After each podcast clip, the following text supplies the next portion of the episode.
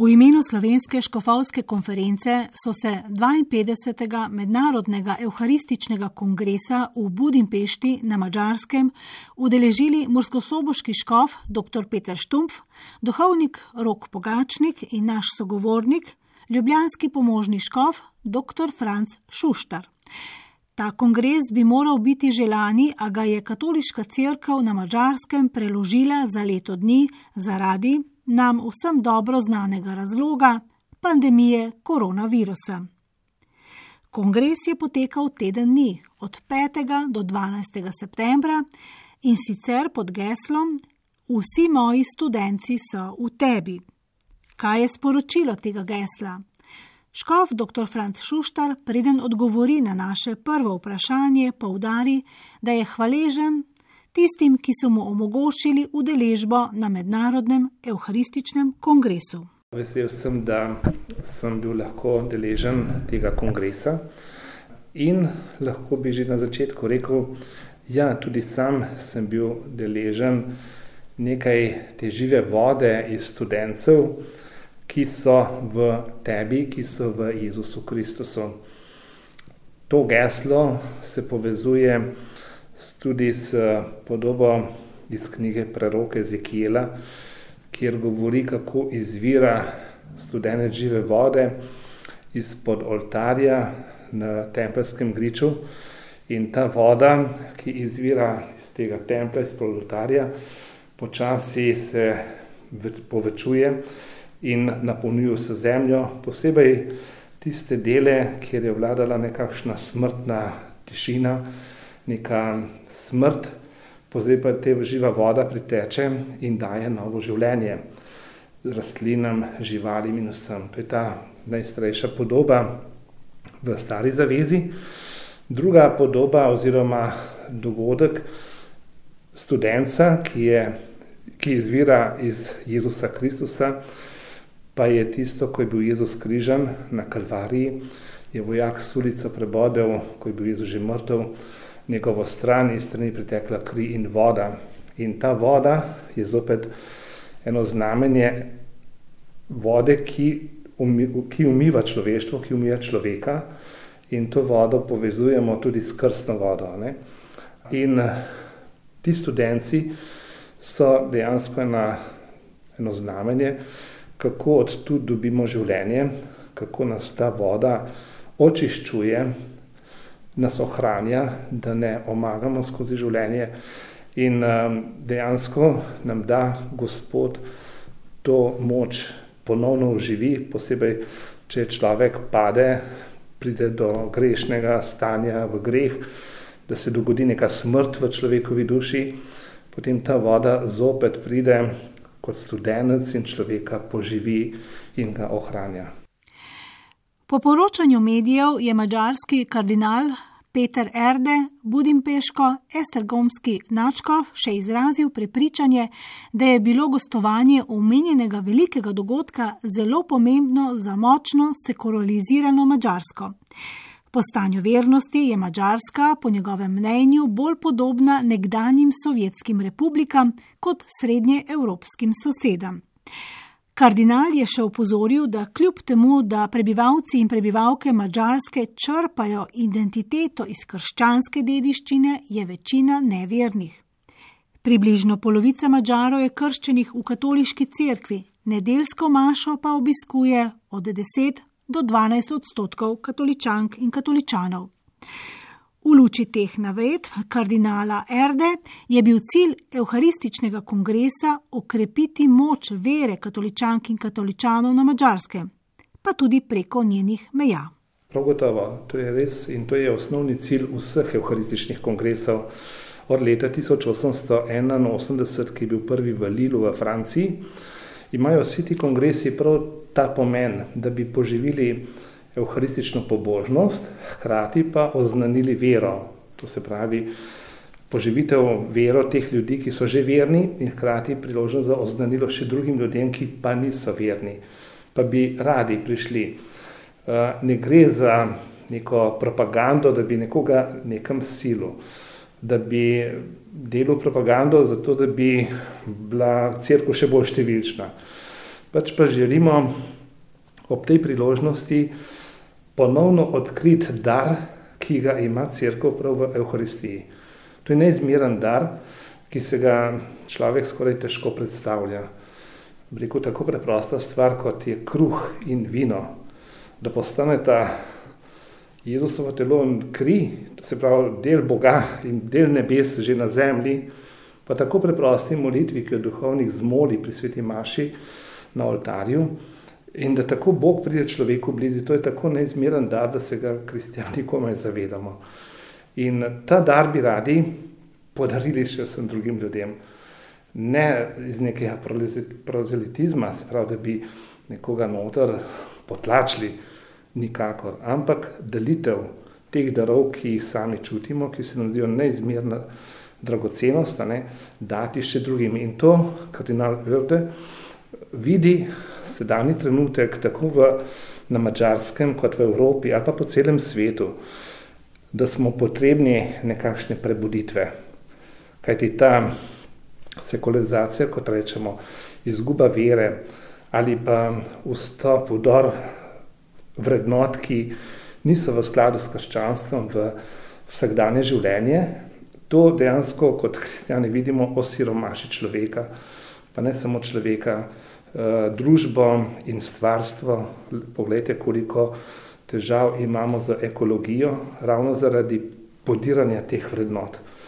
Kajti, ko iščemo en pravi odnos do Boga, gledamo vse tudi, kar je Bog ustvaril. Ostale ljudi, vse ljudi, brez izjeme, živali, rastline, stvarstvo, vse to je kot en dar. In če je tukaj uh, Euharistija, Eh, poživitev te vere in teh odnosov, ki naj jih ta živa voda zopet oživi, potem je to za dobro za vse človeštvo. In te, to zares potrebujemo. Ravno ta epidemija nam govori, kako smo krhki, kako potrebujemo eno moč in eno pomoč, potem vse mogoče težave, politične in družbene, vse delitve, napetosti, vojne, ne vem, bi rekel, tudi določeno sovraštvo, ki se dogaja med ljudmi, vse to kriči po eni rešitvi. In tukaj kristijani prihajamo z Euharistijo, ko rečemo, pogledajte, mi pa imamo eno stvar, ki nam lahko pomaga, imamo odgovor na te stvari in to je v Bogu, v sveti Euharistiji, ki nam je tako preprosto blizu. Euharistija, tudi obhajilo, sveta večerja, je eden najpomembnejših krščanskih zakramentov. Zakrament Euharistije praviloma podeljujejo duhovniki v okviru euharistične daritve, ki pomeni zahvalo. Prav ta zahvala je bila izrečena pri zadnji večeri, ko je Jezus apostoli prvič daroval sveto mašo, Euharistijo, in prihaja iz zahvalne molitve, da se Jezus takrat zahvaljuje očetu, In ta molitev je vzeta uh, iz judovske liturgije, paschalne večerje, ko se zahvaljujejo za rešitev iz egiptovske služnosti. In sedaj je Jezus tak trenutek, ko se spominjajo tega dogodka, spremeni v dogodek odrešenja od grehov, ne od neke zunanje služnosti, ampak od človekovega greha.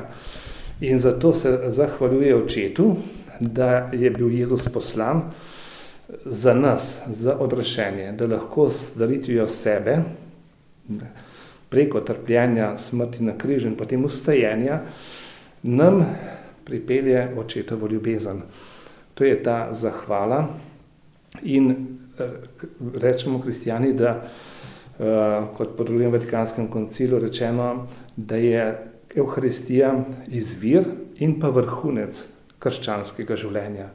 Je zakrament. Zakrament pomeni eno tako zelo živo zunanje znamenje resničnosti, ki se pa skriva v pomenu tega znamenja. Um, tako, ko vidimo mi to hostijo, ta kruha, ne, um, po spremenjenju verujemo, da je to Jezusovo telo. Ali pa vino, no, ki je pač vino in dodamo nekaj vode, tako preprosto znamenje, ne, po spremenjenju je to Jezusova kri. In uh, v tej veri potem sprejmemo ta največji dar. Sveda se na to tudi pripravljamo, ne? tako da človek uredi svoje življenje tudi s spovedjo, najprej s krstom, spovedjo ne? in z urejenim krščanskim življenjem, da je lahko deležen tega daru eh, in se lahko zahvaljuje skupaj z ostalimi ljudmi Bogu za Jezusa Kristusa, za ta dar obhajila. Mrsi kdo mogoče misli, da gre k obhajilu, da je to obhajilo samo kot ena nagrada za lepo življenje. Um, nikakor tudi nagrada, prav gotovo, dara, ne? vendar uh, prvi kristjani so rekli, mi brez maše ne moramo živeti. Torej, to ni predvsem dar, uh, ena nagrada, ampak je hrana. Hrana, da človek sploh lahko živi. Da dobi kot, kot krh, kot kosilo, kot našo vsakdanjo hrano, ne, potrebujemo za telo, tako v veri, kristjani potrebujemo Euharistijo, da lahko živimo. Eh, in seveda smo včasih tudi slabotni in grešni, um, smo tako podvrženi tem slabostim kot vsi ostali ljudje. In se ne želimo zdaj ponašati, da smo kaj več za to, ampak bi rekli, mi smo tega potrebni. In ker imamo to priložnost in to možnost, sprememo ta ponujeni dar in ga sprememo v življenje. Vsi dogodki v okviru Mednarodnega evharističnega kongresa, od molitvenih srečanj, bogoslužij, katehes, pričevanj, razprav, tudi kulturnih dogodkov, so se odvili v duhu Evharistije in še drugih sporočil. Ves teden so se dogajali ti dogodki, priprava je bila tri leta načrtovana, plus eno leto, ker so čakali za uvodne razmere glede COVID-a. Um, ti dogodki so bili prepleteni med seboj in je bilo veliko vidikov teh dogodkov. Recimo najprej to biti skupaj. Ne? Cerkev pomeni sklicen zbor ljudi. Ne? Biti cerkev, da so se čutili, da so cerkev, pa ne samo škofje in kardinal, ampak čisto preprosti ljudje iz vsakdanjega življenja, vsi. Eh, potem na tem, eh, v tem dogajanju so, so veliko molili, v, sred, v središnjem dogajanju vsakega dneva je bila sveta maša in potem še molitev pred najsvetejšim adoracija. Poleg tega so pa izkoristili čas za predavanja, za teološko znanstveno razmišljanje, za okrogle mize, za različne delavnice. Um, in na koncu so pripravili tudi nekaj velikih prireditev. Ena stvar, ki smo se je udeležili, saj smo prišli šele v petek popovdne v Budimpešto, uh, smo šli na srečanje z mladimi, ki je bilo v dvorani Arena. Mislim, da se je zbralo okrog 12 tisoč mladih ljudi. Um, ob glasbi, najprej bolj tej glasbi, ki jo imajo mladi zelo radi, rok eh, koncertu, potem je bila duhovna glasba, na koncu tudi pričevanja in adoracija in molitev. Drugi taki velik dogodek eh, je bila sveta Maša v soboto popovdan, ki se je začela ob petih, potem pa se je nadaljevala s procesijo. Te maše, to je bilo pred znamenitim parlamentom v Budimpešti, to je taka najbolj veličastna zgradba v mestu ob Donavi. Um, zanimivo je bilo, da smo se prav v parlamentu pripravili na svetomašo in je bil parlament kot zakristija pred svetomašo. Tako zanimivo se mi je zdela ta povezanost. Um, in pred tem parlamentom je bila skončna množica, lahko bi rekli skoraj 100 tisoč ljudi že na trgu samem, potem pa po tistih ulicah, ki vodijo na trg, um, res ogromna množica ljudi. In na koncu svete Maše se je ta množica ljudi podala v procesijo in smo šli po mestu. Dve ure smo hodili po mestu, sredi Budimpešte, uh, kot ena reka ljudi, uh, ob pesmih, ob molitvi, lahko tudi kakšen kratek pogovor med vsemi tem. Zanimivo je bilo, koliko ljudi je stalo ob tem sprevodu domačinov, tudi, tudi turistov, In ta množica se je bila dve ure. Na vsakih 50-100 metrov uh, je bil stolp z zvočniki, potem je bilo veliko zaslonov, ki so prikazovali dogajanje. Sveto uh, rešnje telo hostijo, pa so peljali na električnem avtomobilu, kjer so pripravili oltar uh, in tudi sedeže za tri škofe, kjer so ob tem molili. Uh, in to smo šli po, po mestu. To je bila rekel, demonstracija še in še. Organizatorji so rekli, ja, če imamo lahko demonstracije, recimo za mir ali za kakšne proteste, zakaj ne bi tukaj predstavili gospodovo bližino na tako veličasten način. In skoraj 100 tisoč glava množica se je podala po ulicah Budimpešte.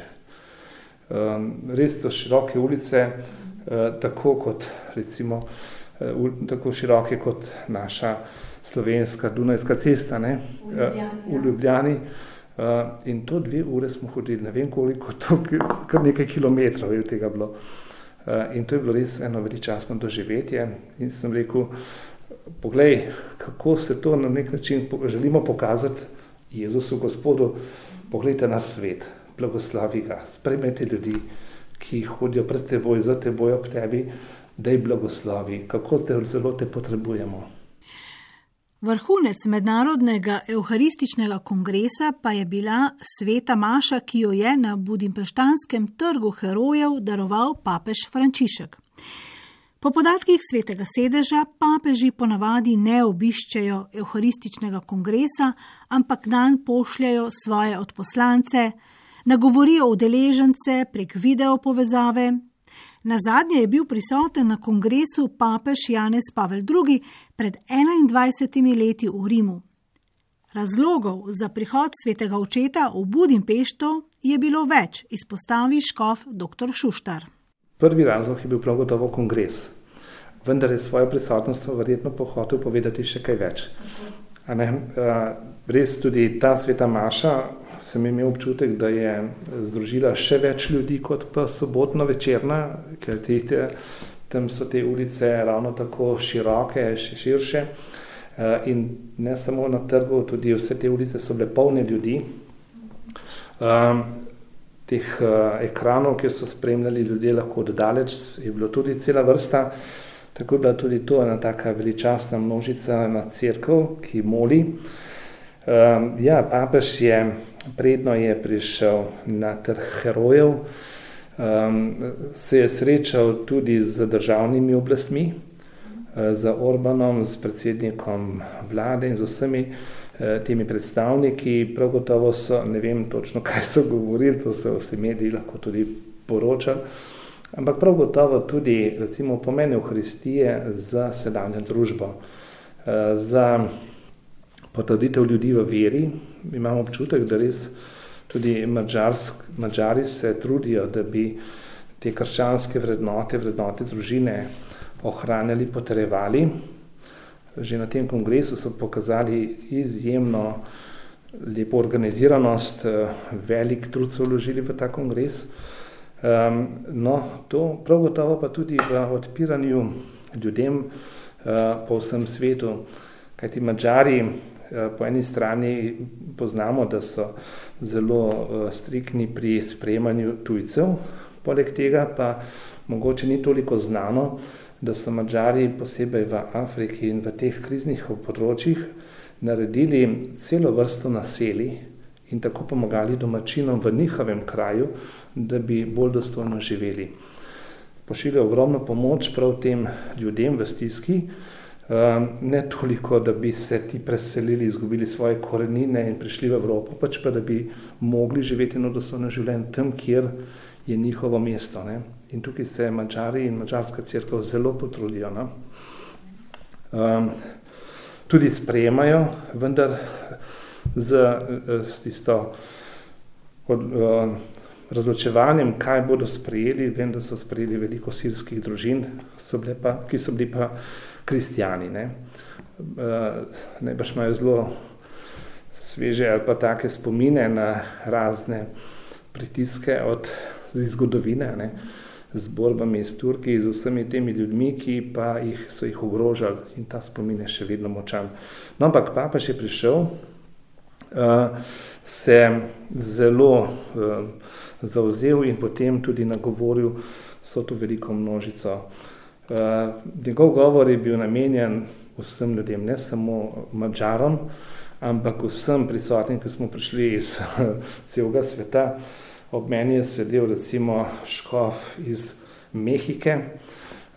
V soboto zvečer sem srečal škofa iz Sirije, iz Damaska.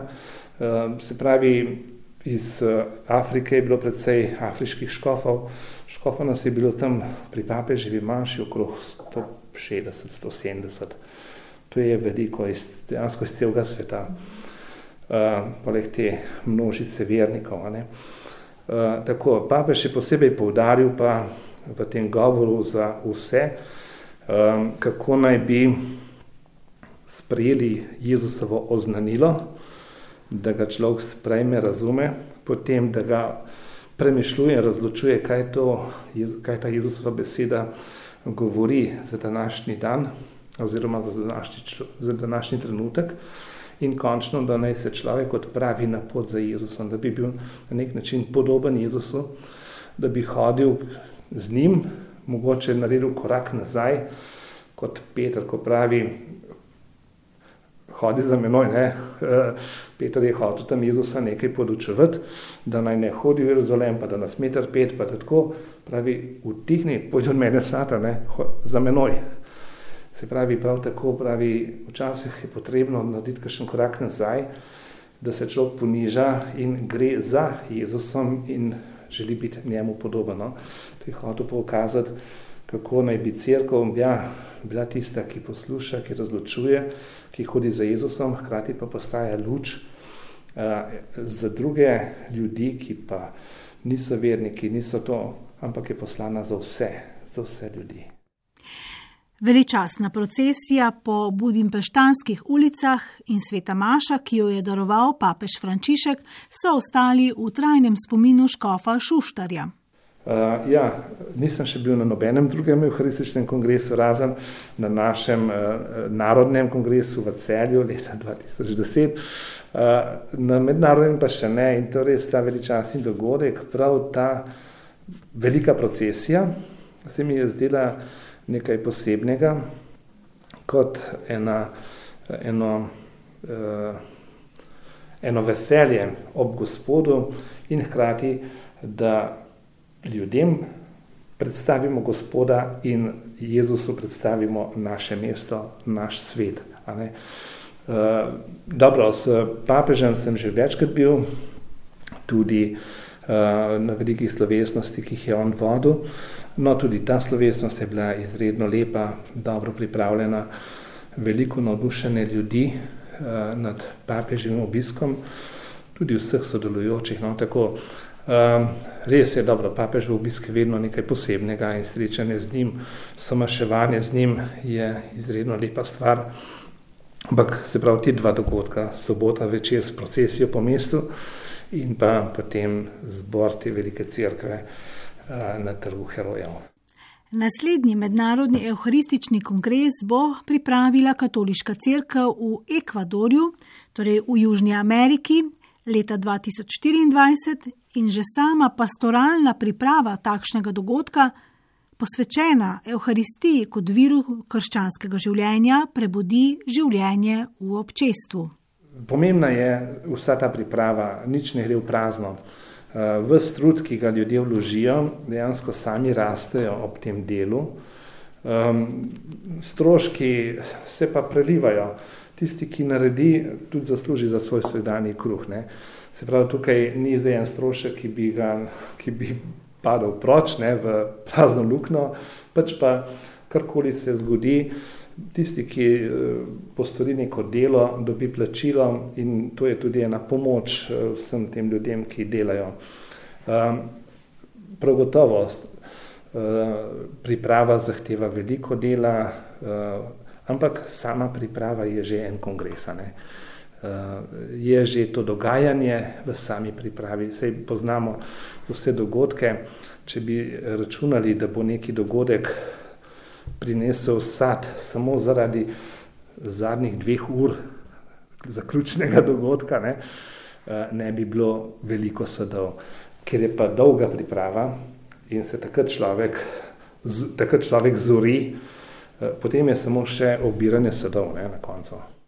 Katoliška crkva na slovenskem je organizirala prvi evharistični kongres v samostojni Sloveniji junija 2010 v celju. Tam se je zbralo 32 tisoč vernic in vernikov. In kot povdarja naš sogovornik, ljubljanski pomožni škof, dr. Franz Šuštar, v tem trenutku v cerkvi na slovenskem ne razmišljajo o pripravi narodnega evharističnega kongresa. Ja, smo razmišljali ne ravno o evharističnem kongresu, razmišljali smo o kongresu družin. Um, ravno tako, seveda, z vsebino, ki je uh, verska iz evangelija. Ne, uh, vendar eh, v tistem trenutku, to je bilo, mislim, pred dvemi leti, vendar potem se te priprave in te stvari niso izpeljale v smer uresničitve. Eh, zdaj v tem konkretnem trenutku nimamo kakšnih načrtov, ne za kongres družin, ne za evharistični kongres. Uh, bomo pa to odprti za izzive, ki se nam bodo pokazali. Ne. Sedaj pred nami, zelo blizu je Eh, srečanje mladih v stični, tudi, tudi en takšen mini kongres za mlade in ena taka zbornost cerkve, eh, ker se ljudje čutijo nagovorjene in radi vsako leto pridejo v stično.